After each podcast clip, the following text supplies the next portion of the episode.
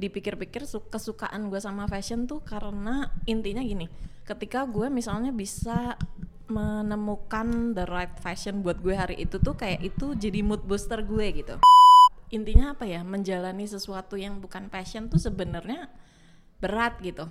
Saat ancur-ancurnya Hmm. ternyata gue belajar bahwa apa ya? Di saat itu gue tuh bersyukur juga punya eh, bos yang suportif jujur waktu itu juga shock juga gitu karena mungkin gue biasa di perusahaan yang semuanya udah rapi ada orang-orangnya ya. Lu masuk sini meskipun gue PP marketing gitu ya oh gue ngelipot box iya loading iya yang kayak gitu. Karena tim gue very very limited gitu dan semuanya apa ya eh, bekerja tuh boleh dibilang di luar job desk gitu. Ba- even my BOD gitu.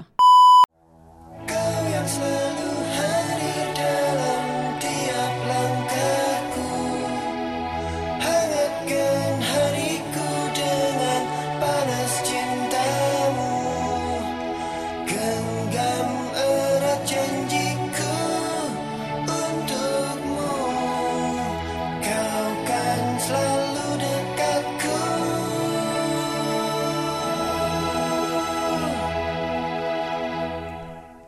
Balik lagi di bagi suara kali ini di masih di seri jika aku menjadi. Kali ini gue jerbat udah sama salah satu apa nih agak panjang ya senior VP marketing dari salah satu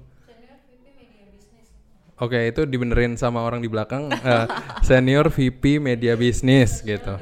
Dari PT Sosial Bela Indonesia atau mungkin yang lebih dikenal dengan eh, produknya ada Sosiola, Soko dan Beauty Journal. Loh, loh. iya ini nih Kan ini udah udah research dulu gitu. Iya belum disebut juga sampai sekarang. Eh, apa ya gue udah sama eh, Kak Mira, Mira Kak Mira Monica. Apa kabar Kak? Baik banget Baik banget baru kelar meeting maaf nih eh, agak mengganggu. nggak apa-apa Malam-malam. jam segini mah jam masih on onnya banget masih tahu kita heeh. Mau ngobrolin sedikit nih kan Kak Banyak Mira juga nih. boleh, Oh ya. Sedikitnya tuh kayak bisa 30 menit sampai sejam sih. Jadi itu Oh, hitungannya oke, agak oke. lah banyak gitu. standar sedikitnya Iya. segitu ya oke Jadi em, Kak Mira sendiri udah lumayan eh, bahasanya apa ya? Melanglang buana di dunia media. Kurang lebih kan. Kalau nggak salah dulu sempat di Femina. bener banget Ya, selama kurang lebih 6 Tujuh tahun sih. 7 tahun ya.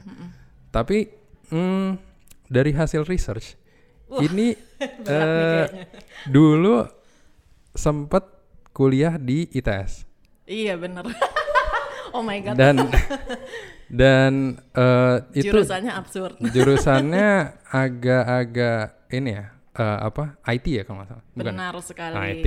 Ah, Nah, benar. tapi dari situ kayaknya perjalanan karirnya habis itu malah masuk ke media sebagai eh kalau nggak salah tuh fashion benar editor ah.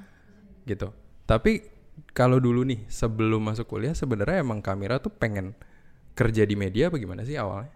Enggak sih, kayak dari awal sebenarnya I never really have kayak eh, udah tahu mau jadi apa gitu nggak juga gitu ya. Cuman kayak back then tuh dari zaman SD sampai SMA sampai kuliah tuh I was always an ambitious person gitu. Oke. Jadi tipikal yang kalau lu lihat tuh anak-anak yang ambisius gitu ya, yang pokoknya harus selalu ranking satu dan kenyataannya memang gue akhirnya ranking satu terus gitu. Jadi oke, pokoknya kayak buat gue tuh kayak akademis tuh harus banget gitu. Nah pada waktu itu gitu ya, eh, dulu tuh sebenarnya juga waktu kuliah sebenarnya cita-citanya tuh bukan IT gitu. Jadi kayaknya IT tuh mungkin kayak hukuman dari Tuhan gitu ya. Karena gue terlalu Tap- tapi susah Yakin. loh, susah loh masuk IT kan Iya, cukup nah susah. itulah tadinya aku tuh pinginnya teknik industri ITB tuh. oh, Hmm, oke, kayaknya Heeh, congkak dulu tuh congkak banget. Karena tapi maksudnya congkaknya ini Hmm. adalah karena hasil emang kerja keras dan kayak gue inget banget zaman OMPTN Hmm. tuh kayak beratus-ratus soal gitu ya buku soal tuh yang tebel-tebel tuh udah gue abisin gitu Hmm. ya. Tiap kali try out di kayak lembaga lembaga Hmm. apa les-lesan gitu tuh gue pasti selalu lolos lolos lolos Hmm. apa yang gue mau tuh pokoknya oke banget gitu jadi gue tuh waktu itu segitu yakinnya bahwa eh, pilihan nomor satu gue ini akan tembus gitu Oke. nah nah pilihan kedua gue akhirnya gue pilih lah yang kayak gue iseng aja cari tahu apa sih yang eh, susah gitu kalau Oke. nggak salah tuh dulu ada rating di mana kayak misalnya yang masuk sama kuotanya Oke. pokoknya rating kesulitannya tuh tinggi nah eh, adalah si teknik informatika ITS ini. Oke. jadi karena gua ngelihat oh ini nih yang kayaknya paling susah ya udah gua taruh di nomor dua.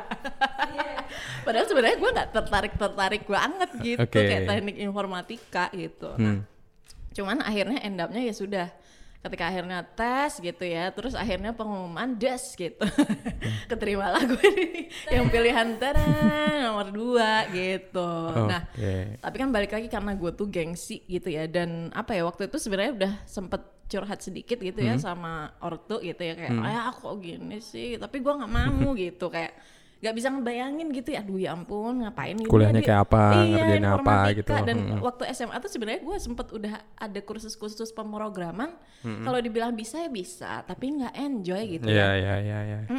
Kayak ya udah monoton gitu kan kayak mikir mikir mikir bisa ya bisa gitu ya sampai akhirnya ya udah cuman kan orang tua tuh ya biasalah namanya orang tua ih kamu tuh bukannya bersyukur Syukur, gitu udah ya dapet. ribuan Apalagi orang. negeri gitu nah, kan. negeri. Nah. ribuan orang mau masuk ke situ ya lo mau udah masuk ke situ malah kayak ah, ah, lo Iya. mau tolak tuh gimana? gitu. Oh iya. Coba dulu lah coba dulu coba dulu. Oke coba dulu gitu kan.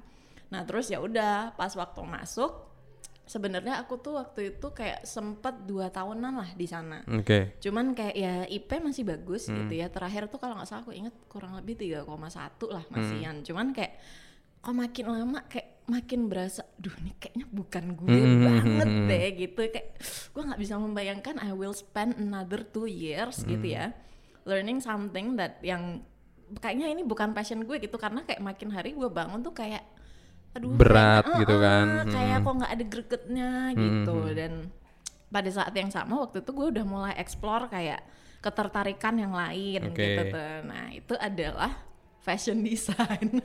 Oke. Which is jauh banget ya. Ya. Eh, ya biasalah baru meletek gitu. gue meleteknya agak telat.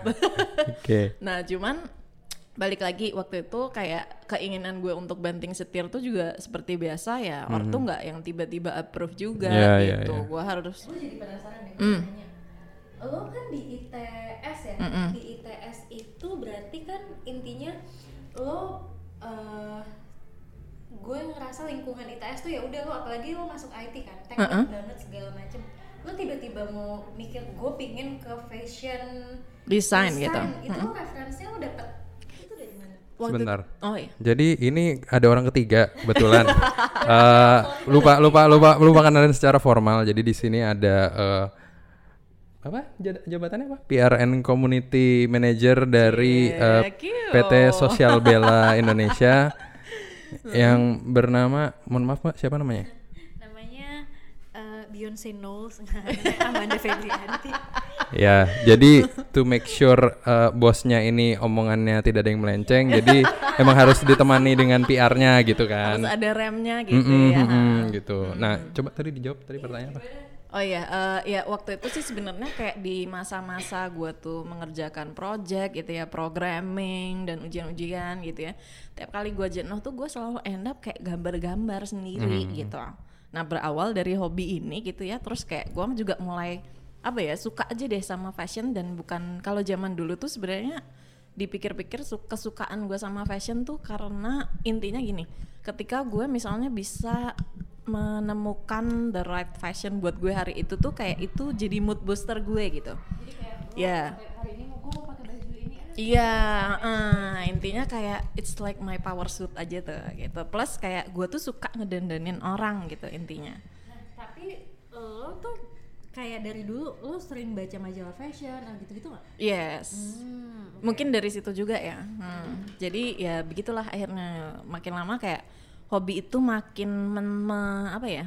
mendominasi cie mendominasi keseharian gue dan akhirnya kayaknya ah, gue kayaknya pengen deh ngeseriusin ini gitu dan cita-citanya nah itu mulai tuh kayak impian gue kayak to open my own fashion label ya dimulai dari situ gitu dengan ketertarikan gue kayak gitu dan apa ya intinya akhirnya balik lagi waktu gue ngomong ke ortu tuh kan ya waktu awal ya seperti biasa ditolak mentah-mentah kan ya namanya orang tua Hmm. Iya, ya iya, iya. kan gimana Udah- sih lu pasti dibilangnya udah tanggung, udah setengah jalan iya, gitu kan. setengah-setengah sedangkan gue tuh kan padahal orangnya emang super totalitas Mm-mm. tapi balik lagi kayak gue pikir-pikir ya intinya apa ya menjalani sesuatu yang bukan passion tuh sebenarnya berat gitu buat gue kayak ya bisa dilakukan doable gitu ya kalaupun gue akhirnya eh, waktu itu melanjutkan pun cuman kayak ya is it is it something yang emang mau gue lakukan sampai nanti gitu loh bertahun-tahun ya. Mungkin sekarang gue bisa tahan gitu ya sampai nanti misalnya akhirnya lulus cuman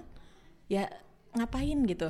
Nanti nantinya tuh gimana? Lanjutannya gimana gitu loh. I'd rather uh, use my time itu lebih efficiently gitu loh, daripada nanti terlanjur-lanjur gitu akhirnya ya udah cuman kan gue tahu nggak mungkin ya menghasilkan restu orang tua tuh dengan ucapan saja gitu ya jadi waktu itu akhirnya ya udah eh, kasih aku kesempatan untuk nunjukin bakat aku gitu Hmm, oke. Nah akhirnya dan untungnya ya udah gitu kan diiyain. Jadi aku sempat kayak ngambil cuti, terus kursus fashion design tuh di Susan Budiarjo. Oh berarti lo belum belum apa namanya istilah belum drop out dulu dari si belum ITS. belum. Jadi gue memang cuti dulu dan untuk membuktikan itu akhirnya di, di waktu kursus fashion design itu ternyata gue juga ya berhasil dengan baik gitu. Dan akhirnya ya mungkin dari situ ortu mulai kayak oh ya udah anak ini kayaknya serius nih gitu kan. Nah akhirnya ya udah kayak kebetulan waktu itu juga tadinya tuh pengennya sekolah impian gue tuh adalah FIT di New York gitu. Hmm. Eh, terus cuman kayak dua kakak aku yang cewek-cewek kebetulan udah di Australia duluan sekolah juga. Oke.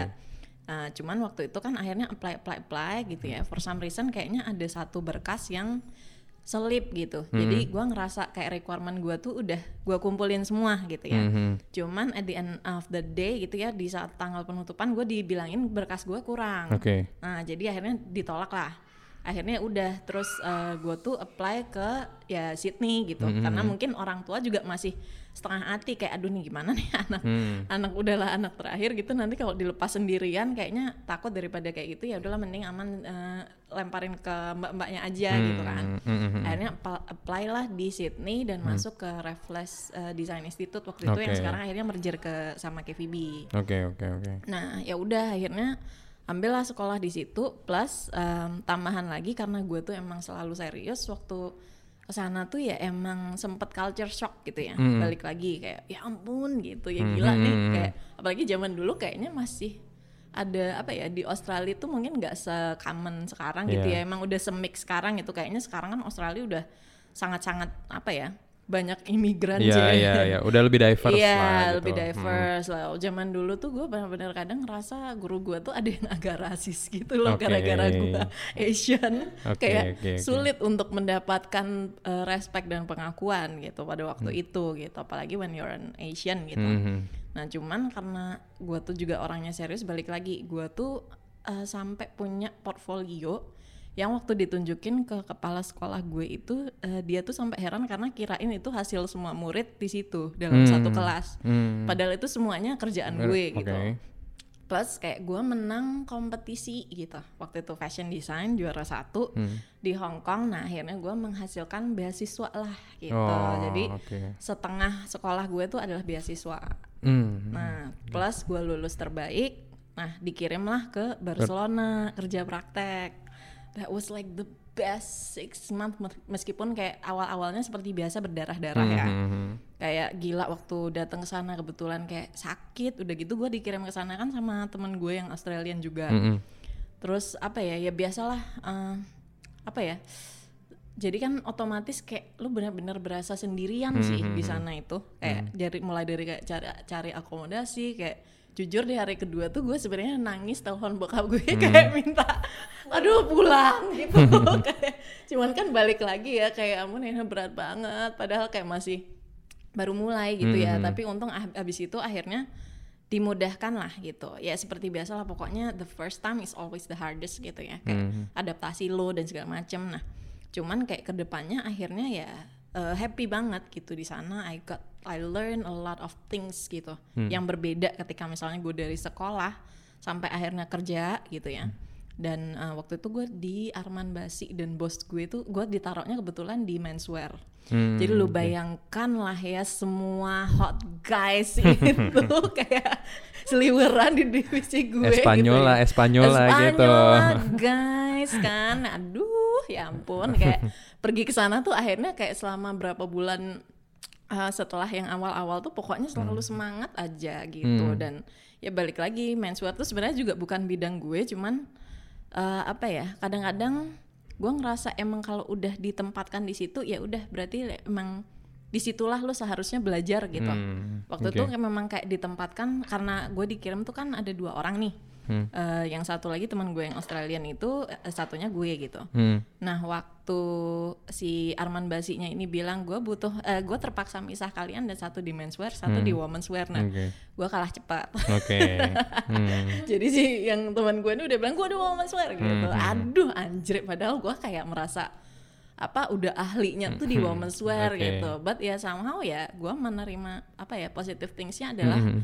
You always apa ya at, the- uh, at the end of the day gue akhirnya belajar something yang baru gitu. Hmm. Karena mungkin kalau woman woman ya udah gue nggak dapet perspektif baru gitu. Ya ya ya. ya. Ya dan bos gue amat sangat suportif sih sampai Hmm. even sekarang aja kita masih tetap kontak tuh udah Hmm. berpuluh-puluh tahun lamanya gitu. Ya oke. Itulah perjalanan fashion gue yang sebenarnya sekarang akhirnya masih tetap belum kesampaian. Nah, terus Hmm. kan eh, habis itu berarti balik dari sana tuh udah selesai eh, kuliah juga. Udah, udah. Nah, dan habis itu balik ke Indonesia. em, tadi sempet eh, lu sempat mention kak, kak, lu pengen buka ber- ya, Fashion label. fashion label sendiri Hmm. gitu. Terus kenapa akhirnya lo memilih untuk bekerja di media sih? Nah, Gitu. Sebenarnya Hmm. pekerjaan pertama gue itu adalah fashion designer. Karena gue tahu oke. gue kayaknya harus belajar dulu nih Hmm, gitu hmm, kan. Ya seperti biasa lah kerja-kerja dulu gitu kan. Terus eh, dapatlah gue jadi fashion designer di perusahaan konveksi. Bos gue tuh orang Korea super perfeksionis gitu ya. Oke. jadi eh, perusahaan konveksi ini nih intinya kayak kita tuh nerima orderan baju-baju bridal dan prom dari merek luar gitu Oke. Mm, jadi memang khusus ekspor lah gitu. Cuman Tapi di di Indonesia. di Indo, Oke, Indo. Nah, ini juga ada cerita lucu sih. Ya seperti layaknya biasa anak perantauan karena gue eh, di Surabaya. Mhm. Jadi kayak oh gue pengen kerja di Jakarta terus pas ngeliat oh lowongannya deh, kantornya di Sudirman nih. Wah, kayaknya keren nih. Keren banget Wow, gitu. Oke. Heeh, Mama Sudirman. Akhirnya datanglah wawancara kan. Pas wawancara akhirnya oh ya oke gitu. Sekarang kita ajak kalian ke workshop gitu ya. Nah workshopnya di Parung cuy. Ah, di ini berarti di kayak pabriknya banget gitu iya ya? di Oh, workshop. Nah gua iya. pikir cuman diajak ngeliat-ngeliat oh ya udah. Nah ternyata pas abis dulu balik dari situ dibilangin nah eh, untuk ini berarti kalian tuh nanti akan ditempatkan di workshopnya Hmm. ya. Deng. Terus gue kayak ah gimana mohon maaf gitu. Jadi head office-nya aja yang Head di Sudirman. doang, yang administratifnya cuy Hmm. terus akhirnya ya udah dan ternyata keterima Mm-mm. cuman ya udahlah waktu itu gue tuh dikasih solusi jadi bos si bos gue yang orang Korea ini kan ngekos di deket Citos nih Hmm. namanya Miss Em gue masih inget nih sampai sekarang jadi eh, aku tuh kalau eh, mau intinya gini tadinya gue pikir daripada ngekos di Parung ya aduh kayaknya gue butuh peradaban nih gitu Mhm. kan Eh, terus eh, apa namanya aku ngekosnya di Citos dan tiap jam setengah enam pagi gue akan berangkat bareng dia ditawarin Oke. nebeng Oke. dan kebanyakan pokoknya selesainya itu jam kerja gue tuh sekitar jam 8 malam lah Oke. itu jam ah jadi dari dulu tuh emang kayaknya pengalaman kerja gue itu sudah Jamnya dihajar agak lumayan ya. dengan long hours gitu gitu cuman ya itu tuh kan nah Hmm. setelah setahun terus gue mikir oke kayaknya uh, gue udah lumayan dapet nih dari sisi kayak uh, Production belakang ah, Hmm. belakang ininya gitu ya productionnya jadi yang kedua adalah gue berpikir kayaknya gue harus bisa ngelihat fashion nih dari sisi yang nge-review gitu Hmm. misalnya ngelihat tren ngawasin dan segala macam nah otomatis media dong Oke. Nah, gue juga berpikir kayak oh ya kayaknya media tuh juga wadah yang oke buat lo untuk menjalin koneksi gitu. Mm. Karena lo pasti kan akan diundang dan ketemu dengan banyak orang, model, fotografer. brand jadi lu akan mendapatkan Ya, ah, exposure-nya dari pengayaan. mana-mana juga Ya, gitu dan kan. sekaligus kayak pengayaan perspektif yang bagus Mhm, juga gitu mhm.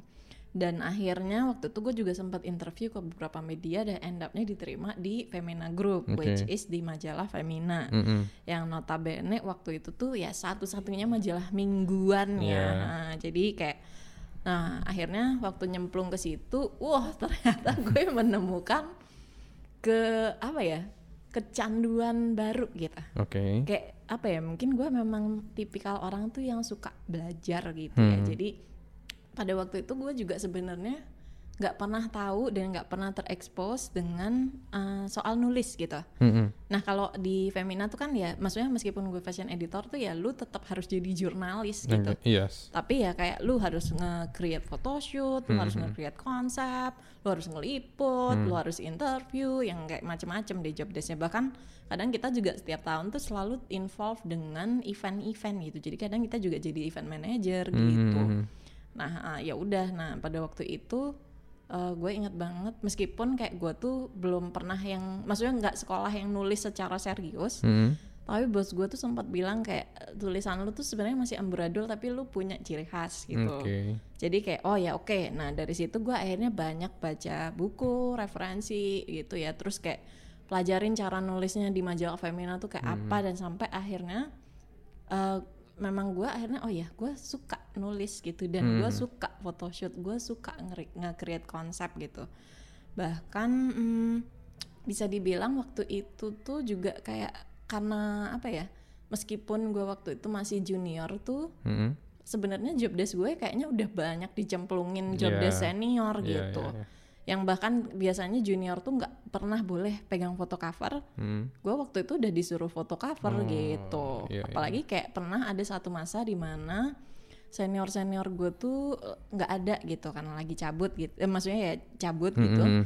Otomatis ya udah gitu semua project yang cover tuh kayak Ya langsung kecemplung Iya, lah langsung gitu, bener-bener kecemplung banget ya. Gitu. Mhm. Jadinya kan apalagi karena mingguan sampai aku tuh dulu pernah lagi ngumpul-ngumpulin portfolio yang biasanya kalau seminggu tuh kita eh, sekali photoshoot gitu Mhm. ya atau enggak dapat project artikel satu gitu ya satu orang. Hmm. Ini tuh gue pernah ada masa selama berapa bulan gue tuh pegang dua photoshoot Mhm. gitu ya sama kayak harus bikin artikel juga gitu. Jadi kayak wow kadang-kadang itu pun kayak kalau nggak nggak apa ya aku iseng ngumpulin narik data gitu yang nggak nggak berasa gitu.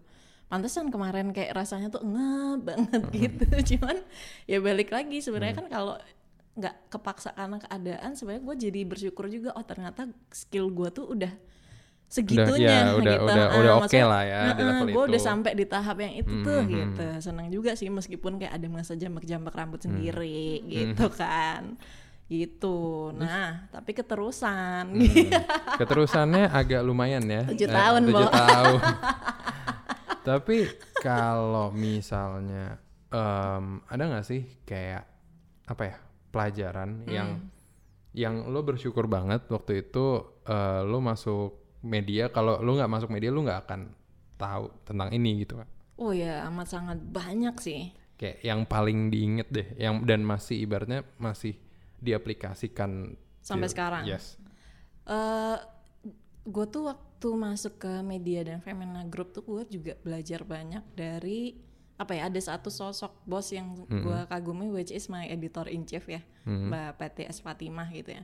Meskipun gue tuh juga apa ya mungkin mungkin pada waktu itu tuh bukan yang kita bukan tipikal yang intens banget gitu ya Oke. tapi dia tuh tipikal orang yang super observer gitu. Jadi kayak bahkan apa ya dia kayaknya bisa segitunya ngelihat dan membaca orang gitu attention to detail iya banget tuh, Kak, heeh. baca orang kayak maksudnya kalau gua tuh eh, lagi off dikit gitu aja Mhm. ya kayak maksudnya me- meleset sedikit gitu dia pasti akan tahu gitu Hmm. sampai apa ya di Femina Group tuh pokoknya gue belajar banyak tentang kayak pursuing your passion gitu ya yang kayak maksudnya gue bekerja di lingkungan pekerjaan di mana yang orang-orangnya tuh kekeluargaan gitu. Hmm. jadi even kayak gue melalui masa-masa sulit gue di situ sih kayak Hmm, hmm, hmm. ada masa di mana gue tuh oke eh, apa ya lagi ada konflik keluarga. Kebetulan waktu itu gue lagi perkawinan gue tidak baik gitu ya dan akhirnya end up dengan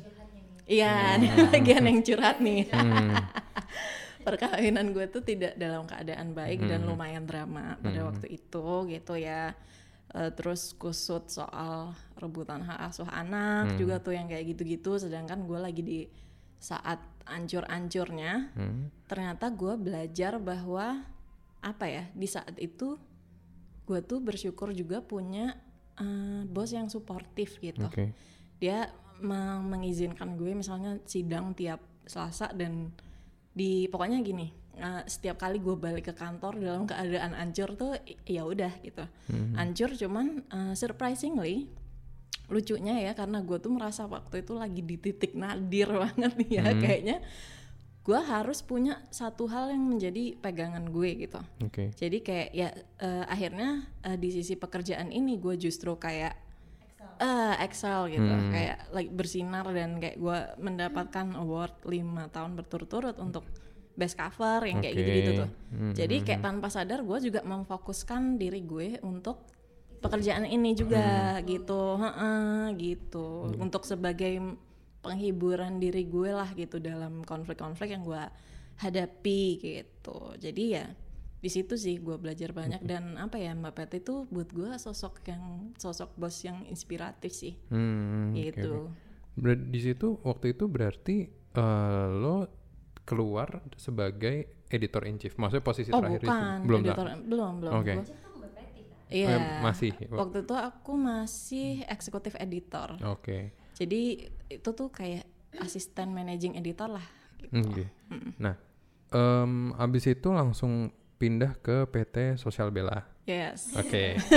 nah, nah, em, berarti itu sekitar tahun berapa ya? Wah, 2015. Oke. Ingat banget.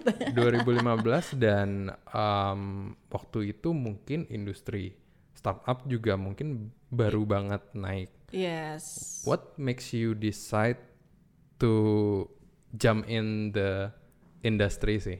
Nah, sejujurnya ya kalau boleh jujur kacang ijo nih ya. Mm-mm. eh, gua nggak pernah planning untuk pindah sih pada Oke. waktu itu gitu. Jadi eh, cuman memang intinya gini, waktu itu gue sempat eh, dua kaki dulu tuh. Hmm. Jadi kayak pada waktu kerja di Femina kebetulan eh, aku tuh dulu punya teman gitu ya. Nah intinya temanku ini punya suami which is si Chris gitu. Nah dia awal-awal mulanya tuh tadinya cuma tanya-tanya soal industri beauty Hmm. Oke, gitu. Terus. Hmm. kayak tanya-tanya soal permediaan yang kayak gitu-gitu. Terus akhirnya nah sempet kayak dimintain tolong gitu. Hmm. boleh nggak lu bantuin gitu? Intinya kayak ya udahlah gitu. Jadi aku waktu itu part time dulu tuh kayak bantu bantuin ya oke lah gitu lumayan lah gitu. Karena waktu itu gue juga ya lumayan kalau dapat resources tambahan lah intinya gitu kan. Ya udah part time bantuin. Jadi dulu tuh aku yang nge-handle semua kayak product description terus kayak nge-build eh, konsep beauty jurnalnya gitu. Karena sosiola ini kan memang e-commerce tapi dia tuh nggak pengen cuman jualan dan promo gitu ya. Jadi pengen ada sisi edukasinya. Nah waktu itu aku yang nge-build kayak konsep medianya kayak apa nih media online-nya. Hmm, hmm, hmm. akhirnya udah nge-setup setup setup. Eh terus kayak karena udah berapa bulan ya waktu itu gue part time kalau nggak salah enam bulanan apa ya? Oke. heeh. Terus akhirnya kayaknya "Eh, kok cocok nih gitu. Terus akhirnya ya udahlah full time aja Ya, gitu. Ada wacana. Tapi kan sebenarnya waktu awal tuh justru gua mau ngeset ekspektasi dulu bilang waktu itu ngobrol juga sih kayak eh by the way tapi sorry banget nih Hmm.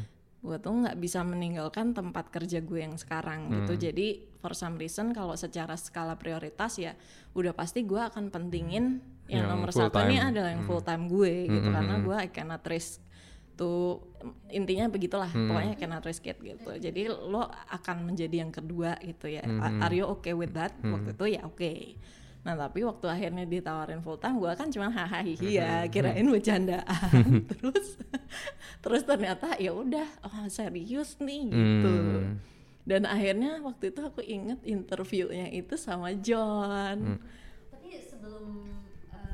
istilahnya pas lo masih part time gitu, udah sempet ketemu sama Pak John. Eh, waktu part time aku lebih banyak kerja sama Chris sama Santi sih.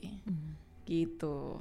Jadi, kita emang tiap kali eh, biasanya tuh flow gua adalah dari pagi sampai malam, Femina dari malam sampai subuh gua kerjain sosiola tuh. Ini ya paling dua jam tiga jam cukup lah gitu. ini sebagai konteks lagi eh, nama-nama yang disebut tadi itu BOD-nya PT Sosial Bella gitu. Jika tidak Jadi Pak John itu CEO, Iya. Pak Chris Sekarang itu Iya. of Sosial Bella. Pak Chris itu presidennya, eh, Kasanti itu CMO. CMO. kita. Mm-mm. Oke, nah terus em, perbedaannya yang paling berasa gimana sih? Maksudnya dari yang tadinya company yang udah established gitu, and berarti waktu itu juga eh, Sosial Bella baru memulai Baru banget kan? banget, Nah, baru banget. Nah. kayak apa apa sih bedanya gitu dan ya itu gitu. Oh tadi aku belum menjawab dengan eh, tuntas ya sebenarnya apa Hmm. yang membuat gue akhirnya Oh iya, diri gue. ya. menyemplungkan full time. Ya, nah pada waktu itu setelah over, maksudnya di apa ya proper uh, proses dan segala macam, akhirnya oh ternyata beneran serius yang tadinya gue kirain bercandaan gitu.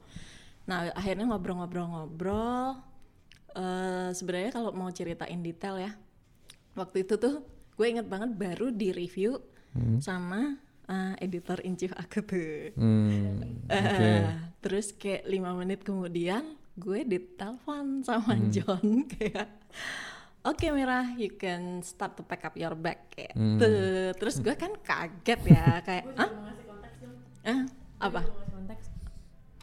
Kayaknya kalau misalnya buat teman-teman yang di fashion atau di media udah tahu Mbak Peti Fatima tuh segimananya sih sebenarnya. Kayak dulu eh, istilahnya gue juga di pas gue masih di agency megang beberapa klien eh apa namanya beberapa klien lifestyle. Kalau kita dapat sama Mbak Peti tuh kayak wah banget. Jadi ini tuh udah kayak Mbak Peti tuh mungkin kayak Anna Wintournya di sini gitu loh kayak di jadi tuh gue kebayang lo dulu dilemanya segimana Iya, sih enggak dan buat gue tuh Femina Group tuh has always been my home sih. Mhm. Kayak balik lagi karena I go through a lot of things di situ gitu ya. Maksudnya tempat gue hancur, tempat Mhm. gue bangkit lagi itu makanya kayak sebenarnya dari awal tuh gue nggak pernah berpikir bahwa gue akan cabut dari situ. However, waktu itu ya ketika akhirnya gue mendapatkan kesempatan ini tuh balik lagi sebenarnya gue kayak banyak sekali pertimbangan dan consideration gitu ya apalagi mengingat waktu itu tuh usia gue sudah tidak muda lagi Hmm. cie nggak dibandingkan kayak anak-anak sekarang Yeah. gitu loh yang milenial gue waktu itu 30-an kalau nggak salah ya udah maksudnya kepala tiga Hmm. lah ditawarin untuk jump tuh kan kayak apalagi dengan status gue yang misalnya seperti sekarang ini ya gue Hmm. kan akhirnya ya udah udah single mother gitu kan. Kadang-kadang kan misalnya concernnya pasti gue butuh security kan Hmm. kayak maksudnya butuh kepastian yang emang udah settle dan segala macam however kayak gue ngerasa apa ya sebenarnya ini amat apa ya opportunity yang amat sangat bagus gitu. Dalam artian karena gue pasti akan belajar belajar banyak hal baru lagi yang Hmm. balik lagi sebenarnya itu has always been my passion gitu ya Hmm, maksudnya yang membuat gue excited dan segala macam kayak digital tuh pada saat itu juga udah mulai Ya, apa udah ya mulai naik banget seksi lah. banget, Hmm, gitu hmm. ah. jadi plus kayak apa ya role yang gue pegang di sini kan juga apa ya eh, waktu itu gue ditawarin VP marketing gitu ya waktu Hmm. masuk Hmm. jadi itu adalah scoop yang much much bigger dari eh, apa yang sebelumnya gue pegang Hmm. meskipun gue tuh sebenarnya amat sangat horor gitu ya waktu disodorin title-nya gitu ya apalagi kayak sebenarnya gue bukan tipikal orang yang tergiur title cuman Hmm. gue tahu uh, di balik title itu comes up a big With responsibility, responsibility, ya, ya, gitu ya. Mhm. ya impian sih mungkin kalau bisa ya uh, pangkat rendah gaji tinggi gitu Hmm. tapi kan nggak mungkin Jadi ya bi- bikin kopi atau teh doang tapi gajinya puluhan nah juta gitu kan. gitu kalau bisa kayak gitu please ah. Gitu? Uh, nomor telepon gue loh Nah, Nah akhirnya ya udah gue sholat istiharoh. Hmm. Eh, hasilnya adalah gue dimantapkan untuk mengambil kesempatan ini gitu Hmm. loh. Meskipun eh, dan waktu itu pun gue juga ngerasa kayak apa ya eh, BOD BOD gue ini adalah tipikal orang tuh yang emang serius dan bekerja keras juga gitu. I Mhm. can see they have a lot of passion dan put put a lot of effort in- di Mhm. sini gitu. Jadi gua ngerasanya pun kayak kalaupun gue kecemplung di sini sebagai dalam posisi yang senior tuh gua pasti akan kalaupun nanti terjadi sesuatu gua Hmm. pasti akan ikut berjuang gitu Mhm. untuk menggawangi itulah intinya Hmm. kayak gitu. Jadi ya udah akhirnya eh, gua memutuskan menceburkan diri gitu. Hmm, Oke oke. Nah terus tadi oh ya tadi belum sempat kejawab juga eh, Apa? beda bedanya. oh bedanya. heeh, Hmm. yang paling berasa. Yang paling berasa sih, oh kalau korporat tuh udah jelas semuanya tuh teratur Hmm. gitu ya.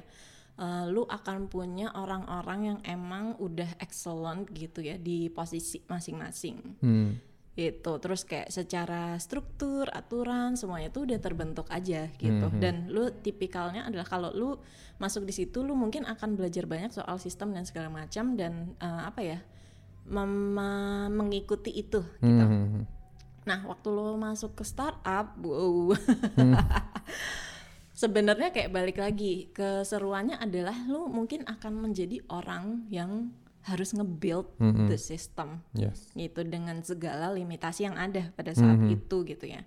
Dan it was very hard gitu ya karena ya apa ya jujur waktu itu juga shock juga gitu karena mungkin gua biasa di perusahaan yang semuanya udah rapi ada orang-orangnya ya lu masuk sini meskipun gua VP marketing gitu ya oh gua ngelipot box iya loading iya yang kayak gitu karena tim gua very very limited gitu dan semuanya apa ya eh, bekerja tuh boleh dibilang di luar job desk gitu Ba- even my BOD gitu Hmm. jadi gue pun kayak ngelihatnya yang kayak wow gitu Ya karena melihat ya orang yang ibaratnya atasan aja tuh ya Iya. mau sampai seturun tangan iya, itu gitu. seturun kan. tangan itu jadi oh ya gue harus kayak oh bener-bener ini nih cuman balik lagi pressure is really really high juga Hmm, gitu karena balik lagi kadang startup tuh pace-nya sih yang gue Hmm. tuh shock juga waktu awalnya kayak misalnya kalau di korporat ya mungkin tipikal orangnya yang mengerti gitu ya memang Hmm. semuanya ada prosesnya Yes.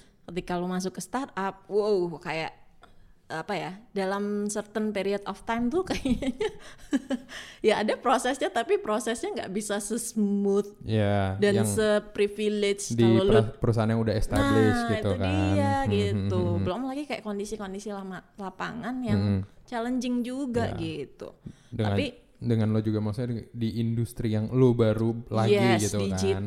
kan. Digital Jadi- dan teknologi juga gitu kan. Exactly. Jadi kayak oh my god waktu itu very very overwhelmed kayak I have to catch up a lot of things gitu ya. Hmm.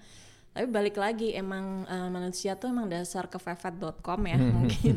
Jadi kadang emang harus dipaksa Hmm. gitu sampai ke titik yang uh gitu ya. Terus ternyata ya balik lagi karena gue juga oh ya gue banyak baca buku marketing, Hmm. gue bener-bener kayak tiada hari tanpa laptop, Hmm. uh harus ke mana anak gue juga waktu itu tim juga awal tuh sempat nggak ada tim terus gue cuman punya tim satu waktu itu. Hmm. Jadi kayak ya udah kayak oh my god hampir semuanya dikerjakan Hmm. kayak dalam waktu yang bersamaan dan segala macem. Cuman balik lagi kayak kalau mengingat prosesnya tuh ya menyenangkan aja gitu loh tuh constantly push yourself gitu. Hmm. Ada masa melelahkannya, but ketika lu akhirnya end up dengan sebuah hasil yang apa ya? Intinya kayak hasilnya tuh eh, membuahkan apa yang lu achieve tuh pengen achieve tuh tercapai ya. Seneng gitu loh. Ya. Mm-mm. Apalagi ini sekarang sosial bela Iya. nya se- dalam kurun waktu empat tahun juga udah um, reach many milestone lah ya. Ya, Ya, ya. Develop produk lain gitu sih. Berarti Soko itu baru belakangan ya? Iya, Soko. yang Oke. paling eh, Hmm. Dan ya ini juga kita interview di kantornya Sosial Bella juga ya lumayan bagus lah gitu kan. lumayan, bagus. gitu kan. Itu gitu. Nanti kita kirimin ya foto-fotonya. Nah, em, terus untuk apa apa namanya sampai di titik ini gitu, apalagi sekarang industri beauty pun compare tuh ketika sosial bella tuh baru nongol, sekarang lagi naik banget gitu. Hmm. Kalau misalnya ditanya em, dan juga marketplace eh, atau e-commerce untuk eh, produk-produk ini nggak cuman ini doang, nggak cuman uh, Sosiola doang gitu. What makes eh, PT Sosial Bella atau mungkin Sosiolanya different with other marketplace? Oke, uniknya ya. Eh, mungkin eh, aku mau jawab unik dari internal dulu deh. Kalau internal tuh yang termasuk bedanya adalah kayaknya gue ngerasa orang-orangnya tuh juga super gitu ya. Kayak entah kenapa kayak orang di sini tuh gue ngerasa karyawan-karyawan sini tuh kayaknya kita emang gila semua tapi in a way tuh suka lari semua gitu ya. Suka di abuse dengan deadline. Masoki semua ya masoki semua gitu tapi we are very very eager to learn gitu ya. Jadi kalau dilihat dari core value kita aja tuh apa tuh namanya uh, be fast gitu ya. Agile continuous improvement terus ownership sama uh, positivity. Nah itu tuh kayaknya emang semuanya kurang lebih kalau dirangkum ya begitu tuh. Nah uh, yang kedua uh, dari segi kayak bisnis model juga sebenarnya apa ya? Kayak sosial bela Indonesia sih gue ngerasa kayaknya eh, hampir semua apa ya bisnis unitnya tuh melengkapi gitu karena ya balik lagi we aim to be kayak tuh untuk membentuk dan membangun kayak sebuah beauty ecosystem gitu Hmm. jadi sebenarnya visi misi kita tuh ya balik lagi bukan sekedar e-commerce gitu ataupun kayak media yang untuk edukasi ataupun kayak Soko platform yang eh, untuk menjadi wadah community gitu ya ataupun brand owning gitu yang kita mendatangkan brand-brand yang dipengenin gitu ya dari luar but we want to be the beauty ecosystem gitu. Membangun beauty ecosystem itu in a way eh, kita tuh bisa apa ya menggiatkan beauty industry lah kurang Oke. lebih. Jadi eh, buat community iya buat eh, brand-brand iya dan kita pun kayak menjadi wadah Mm-mm. untuk menyatukan itu semua Oke. gitu. That's why kayak sebenarnya uh, bisnis unit kita tuh bervariasi. Hmm, Kayak ya commerce-nya itu ada sosiola, sosiola pun kita juga sekarang pengennya me- menggayat kayak misalnya O2O gitu ya, omni channel gitu ya. Jadi online dan offline store kita tuh yang baru buka itu ada di Lipo Malpuri dan kita ada satu lagi di Kokas gitu. Kalau dari segi apa nam- namanya konten dan media kita tuh ada beautyjournal.id Oke. sama Soko gitu. Beauty Journal ini adalah yang online media. Sama kalau Soko itu lebih ke platform untuk community di mana kita tuh emang eh, apa ya punya kelebihan intinya kita bisa ngebaca supaya konten yang lo dapetin dan offer-offer yang lo dapetin itu sangat-sangat relevan gitu dengan skin profile kamu, beauty profile kamu gitu. Jadi akan benar-benar efektif lah kurang lebih. Oke. Nah selain itu eh, apalagi oh brand ya brand brand owning itu eh, kita pengen ngebawa brand-brand dan menjadi kayak incubator gitu. Oke. Brand-brand luar yang misalnya tadinya aksesnya belum ada di Indonesia kita bawa ke Indonesia dan eh, kita distribute juga gitu loh melalui berbagai macam channel gitu. dan yang kayak istilahnya ngurus Bepom dan ngurus Ya. Bepom sampai marketing brandingannya segala macem tuh jadi memang diurus sama sosial media Ya. juga Jadi eh, sebenarnya kita intinya ingin memenuhi kebutuhan wanita tuh secara holistik lah. Oke. kurang lebih kayak gitu balik lagi dan itu pun sebenarnya kita nggak langsung punya semuanya ya channel apa bisnis unit itu dari awal jadi apa yang kita kembangkan sekarang itu adalah hasil dari eh, pemikiran kita dan juga maksudnya eh, community kita gitu subscriber kita gitu. Oke. mereka constantly giving us insight juga gitu ya kayak kita mendengarkan suara-suara dan masukan mereka. Plus kayak sebenarnya gue bisa bilang kayak karyawan-karyawan sosial bela tuh adalah target market sosial bela juga gitu. Oke. jadi sebenarnya apa yang kita rasakan atau problematika yang dirasakan audiens kita tuh ya pasti kita rasakan gitu. That's why kayak kita menghasilkan ide-ide seperti ini dan muncullah bisnis unit ini gitu. Nah, kan berarti eh di sini sebagai salah satu yang orang yang cukup senior gitu. Em, tua apa- maksudnya Bos, bos, bos, bos, bos lah. Tapi itu itu itu salah satu shock culture gue loh. Ah. Waktu di Femina tuh gue kayaknya orang paling muda di Nah. sana. Masuk sini anjir. paling tua, gila. Tiap kali interview gue tuh shock kayak ngelihat tahun kelahirannya. Oh my god, gitu loh. Nah, Hmm. 96 kadang Hmm. ada kapan hari eh, intern kita tuh ada yang dua tahun 2000 tuh gue sampai kayak oh my god.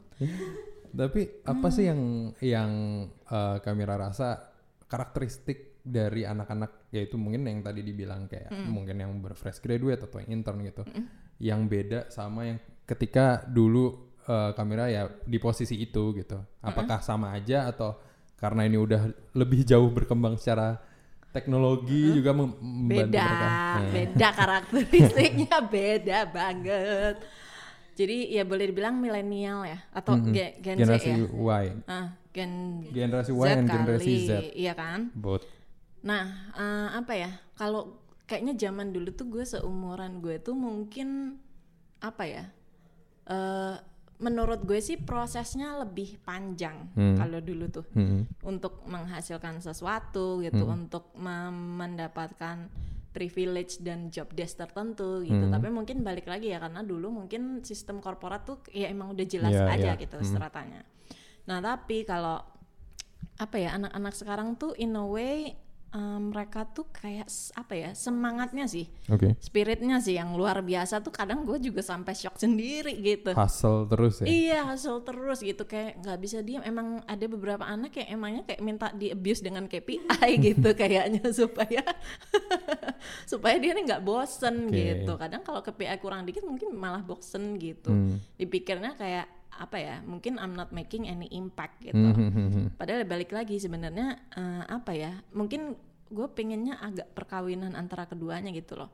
Namanya impact itu kan juga lu butuh konsistensi gitu. We cannot say we make an impact gitu hanya dalam waktu tiga bulan, but you cannot apa ya mengkonsistenkan hal itu ya itu namanya juga bukan impact gitu. Ya mungkin namanya impact tapi balik lagi impact itu harus diimbangi dengan konsistensi itu tadi Oke. gitu. Karena mungkin kayak mengubah sesuatu itu bisa dilakukan gitu ya it's doable dan banyak orang bisa melakukan itu but kayak consistently making an impact nah itu yang mungkin banyak hal ataupun anak-anak sekarang tuh suka lupa gitu Oke. Nah, jadi ya ada yang ingat juga Hmm, ya hmm, dan bukannya gue menstereotipkan ya cuman Iya, iya. balik lagi kayak untuk secara konsisten itu ya balik lagi butuh parameter waktu untuk melalui hal itu gitu Hmm. kayak apa ya menurut gue yang dari dulu sampai sekarang harusnya tidak bisa dibohongi itu adalah jam terbang Yes. gitu Hmm. dan apa ya balik lagi kayak mungkin tiga bulan di startup tuh balik lagi kayak lu apalagi ketika misalnya kita mendapatkan project yang super Hmm. banyak ya lo itu namanya lu belajar gitu ya Hmm, hmm, lo hmm. kan mendapatkan banyak pembelajaran gitu ya dan ketika kita didera kesulitan gitu ya mungkin selama tiga bulan ya oke gitu ya bisa bisa lulus gitu ya Mm-mm. tapi ya balik lagi eh, kalau misalnya kesulitan itu apa ya kita terus di challenge selama setahun gimana gitu Ya. dua Hmm. tahun gimana ya kalau lo excel ya baru itu lo namanya bisa konsisten Yes. gitu Nah, em, any tips untuk mungkin banyak yang mendengar, eh ya maksudnya yang ngedengerin bagi suara ini kan banyak kan masih muda gitu. Mungkin juga melihat kayak, oh kayaknya kerja buat startup, apalagi banyak kan mungkin cewek-cewek yang tertarik dengan industri beauty gitu. Mungkin ada nggak kan kamera sebagai user juga gitu sekarang kayak apa ya karakteristik yang biasanya eh, lo cari gitu ke dalam misalnya ngerekrut orang atau apa gitu. Jadi tips-tips untuk memasuki eh, dunia kerja mungkin. sebenarnya apa ya kalau karakteristik orang yang udah dicari eh, apa yang aku kita cari gitu. Hmm. karakteristik orang yang kita cari gitu ya terutama kalau aku kan handle-nya yang media business unit ya. Mm. sebenarnya kayak mungkin kalau pahit-pahitnya gue udah selalu pertanyaan pertama tuh kayak terbiasa dengan jam kerja abusive nggak gitu. Karena bukannya gimana gimana sih maksudnya eh, apa ya di sini tuh gue bisa bilang semua orang tuh punya ownership level yang cukup tinggi gitu ya. Jam kerja abusive tuh bukan berarti kayak lo nggak pulang-pulang kantor enggak gitu ya. But balik lagi kayak lu bisa jadi stay di kantor gitu ya atau bisa jadi lu di mana pun lu berada lu uh, apa ya intinya lu harus standby aja gitu. Kalau misalnya kerjaan memanggil ya lu standby gitu. But however kayak balik lagi ketika uh, apa ya di sini tuh hampir semua orang tuh memiliki apa ya namanya chemistry itu yang sama tuh Oke. Eh, kurang lebih yang kayak gitu. Emang ya frekuensinya tuh kurang lebih yang mungkin karena kita semua tuh suka gitu ya. Hmm. jadi emang bertumbuh bersama gitu ya. Susah bersama sukses bersama. Jadi kayak apa ya eh, intinya kita tuh memang ya akhirnya at the end of the day don't mind gitu Oke. dengan hal itu karena kita tahu ketika kita apa ya akan naik kelas gitu ya ketika kita susah-susah dahulu gitu ya atau ada kesulitan tertentu itu tandanya ya kita emang mau naik kelas dan pasti akan mendapatkan pembelajaran yang berarti Hmm. gitu in, in a way kayak you have to skill up dan level up kan every Hmm. time gitu karena balik lagi sekarang itu pace-nya amat sangat cepat gitu Hmm. kadang kita pun juga harus dilatih berpikir kayak eh, if you cannot do it akan ada orang lain yang bisa melakukannya gitu yang siap menggantikan lu kapan saja gitu Hmm. actually gitu apalagi kayak hari gini gitu ya Mhm. kayak semua orang mungkin standar pendidikannya udah jauh jauh jauh Ya, lebih baik ya, gitu ya ya. daripada dulu kayak hampir semuanya mungkin lulusan luar dan segala macam gitu ya punya eh, ini standar sendiri gitu Hmm. ya atau enggak ya intinya balik lagi sih eh, lo harus punya spirit yang tinggi Hmm. juga gitu spirit yang tinggi gitu ya terus eh, passion itu tadi sih lebih Hmm. ke itu Oke. Dan mungkin banyak ini juga yang apa ya dari bagi kata lihat juga kayak banyak yang anak-anak kuliah tuh yang ngerasa nggak pede karena masalah akademis dalam artian mereka- when they apply for job banyak yang kayak minimal apa ya IPK 3 atau yang atau apa ya ya misalnya kayak gitu kayak akademis so- soal itu gitu. Kalau misalnya eh, lo sebagai user yang paling lo lihat pertama tuh apa sih selain itu? Eh apakah apakah itu menjadi sesuatu yang penting atau there's something else? Sebenarnya kalau zaman dulu ya ketika misalnya awal-awal nih belum ada HR nih ceritanya ya. Jadi kalau gue interview tuh gue suka mendeteksi orang yang drive-nya itu tinggi gitu. oke Intinya gue lebih pengen tahu nih cari tahu tentang pengalaman-pengalaman dia dan cara pandang dia menangani apa ya tentang tentang sebuah masalah gitu ya. Jadi Oke. biasanya gue akan kasih pertanyaan-pertanyaan soal ataupun yang nyeleneh gitu Mhm. bisa jadi kayak misalnya lu punya problem ini jalan apa yang akan lu tempuh gitu misalkan ada permasalahan-permasalahan apalah yang mungkin bisa jadi kerjaan ataupun bahkan soal hidup gitu. Mhm. bahkan bisa jadi gua akan nanya cobaan lo cobaan terbesar dalam hidup lo apa? Gitu. Hmm. Biasanya kalau di interview sama kamera tuh ada sesi curhatnya gitu jadi serius soalnya ditanya "Eh, maksudnya gimana nih kak? Eh, tantangan besarnya tuh pas di kerjaan? Enggak di hidup juga boleh ada ya. Jadi kayak kalau misalnya aku interview lagi bareng sama kamera gitu jadi ntar anak-anaknya oh aku pernah sih kak berantem sama mamaku. Ada yang gitu-gitu macam-macam. ya Jadi- jadi ya kurang lebih gua akan ngeliat itu sih lebih ke drive orangnya dan gimana caranya dia survival gimana perspektifnya dia tentang hidup gitu menyikapi kesulitan. Karena balik lagi gua yakin banget kayak kalau di startup itu is not getting any easier lah intinya gitu. Kayak meskipun ada kesuksesan-kesuksesan tapi abis itu ya pasti kita akan mendapatkan cobaan baru gitu dan akhirnya mendapatkan pembelajaran baru it's always like a never ending cycle gitu Hmm. jadi kayak apa ya boleh dibilang gue mencari orang yang endurance-nya itu tinggi gitu Oke. dan drive-nya tinggi Oke. passion-nya tinggi gitu kurang lebih sih seperti itu nah Hmm. tapi kalau sekarang ya udah ada HR oh gue juga apa ya belajar banyak hal baru gitu. Karena kan semuanya memang ada prosesnya gitu. Jadi kita udah pasti ada tes-tes dulu tuh set of Hmm. tes yang emang harus dikerjakan gitu. Jujur memang IPK itu eh, juga menjadi salah satu pertimbangan Oke. tapi bukan mutlak sih. Oke. Balik lagi bukan mutlak ya. Jadi kayak eh, apa ya lebih ke ada psikotesnya juga tuh sama ada intelijensi tes gitu. Oh, jadi banyak ya? Kurang lebih seperti itu sih. Cuman kalau mau dilihat kayak komposisi tim gue sendiri di media sebenarnya banyak yang absurd juga sih. Kayak maksudnya ada beberapa orang yang akhirnya end up apa ya backgroundnya tuh irrelevant tapi mereka bertahan dengan baik gitu. Oke. Karena sikap mereka dan mindset mereka yang emang selalu mau ber apa ya belajar hal baru plus nah oh gue suka orang yang satu lagi tuh sifatnya tuh reseptif terhadap kerjaan dan challenge gitu. Jadi intinya kalau ada sesuatu tuh bukan nolak dulu gitu. Mhm. tapi oh ya oke eh, oke kita coba gitu ya. Maksudnya jadi bukan defensif dulu tapi intinya ya sudah gitu. Coba yuk kita challenge diri kita semua bersama gitu. Mhm. Nah, em, ini sebenarnya udah agak lama gitu, eh, udah agak panjang gitu curhatannya gitu. Nah, eh, tolong diedit aja is there eh, is there anything uh, that Social Bella mau promote kah? Silahkan. Eh, gue akan, eh gue ingin mengambil kesempatan ini untuk menyampaikan eh, update terbaru nih tentang sosial bela Indonesia. Jadi eh, sebenarnya beberapa waktu lalu kita baru dapat kabar yang menggembirakan nih.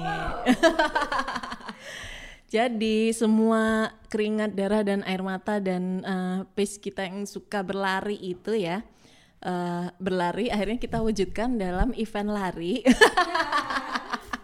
Iya BFF Run. Jadi waktu itu kita emang eh, akhirnya eh, punya event signature yang pertama nih baru aja dilaksanakan di Bandung gitu ya. Jadi itu event running yang eh, apa ya beauty run lah dengan ada 5K run with obstacle gitu ya.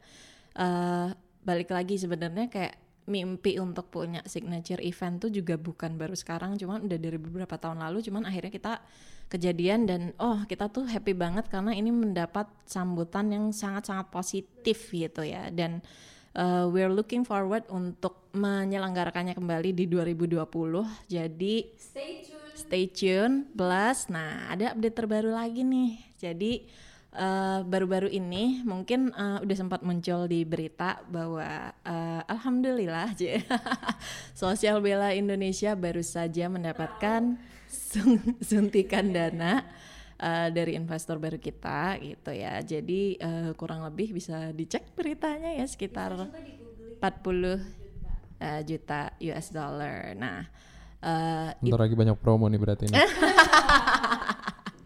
Enggak sih, sebenarnya balik lagi itu we're looking forward to expand and kayak there will be I'm sure there will be a lot of interesting project lagi gitu yang akan kita lakukan gitu karena balik lagi eh, mimpi, misi dan visi kita itu untuk mensupport women secara holistik eh, udah pasti akan kita lebih lakukan dalam langkah-langkah yang lebih nyata gitu. Jadi kita emang bisa menjangkau seluruh wanita Indonesia gitu melalui uh, pemenuhan kebutuhan uh, kecantikan yang dipermudah oleh teknologi gitu. Oke oke. Nantikan apps kita juga. Intinya eh, ya silahkan di search aja di kalau anak muda kan pasti ngelihatnya dari media sosial ya media Yo. sosialnya. Ada apa aja coba disebut At Sociola, at Beauty Journal di Instagram. Iya di Instagram. ya, Oke. sama jangan lupa kalau yang ingin mendapatkan uh, apa ya maksudnya secara teknologi gitu ya. Maksudnya uh, register to our community di soko.id. YouTube-nya namanya apa? YouTube-nya namanya Sociola slash Beauty Journal. Iya, ini soalnya Mbak Amanda ini salah satu main talent di situ ya. Iya, benar banget tuh. Kalau kalian lihat yang sering selalu sering menemani Sociovelas, spokesperson kita tuh mas-mas ganteng itu adalah Mbak Amanda Febrianti ini. Iya iya iya. Dan em, ya mungkin sekian untuk eh, episode jika aku menjadi kali ini. Em, jangan lupa untuk stay tune terus di eh, Instagram dan Twitter @bagikatahub dan juga jangan lupa tambahkan di line @bagikata untuk eh, feature one one chatnya bagi kata. Kalau gitu karena sudah semakin malam juga, jadi terima kasih kamera dan Yeay. terima kasih Ibu Amanda. Terima kasih Kakak Rio Jerbat. Bener nggak tuh? Oke, em, gua Jerbat signing out. Bye. Bye. Terima kasih telah berbagi suara. Bukan, dengar dengarkan ceritanya di bagi suara. Ya udah itu boleh.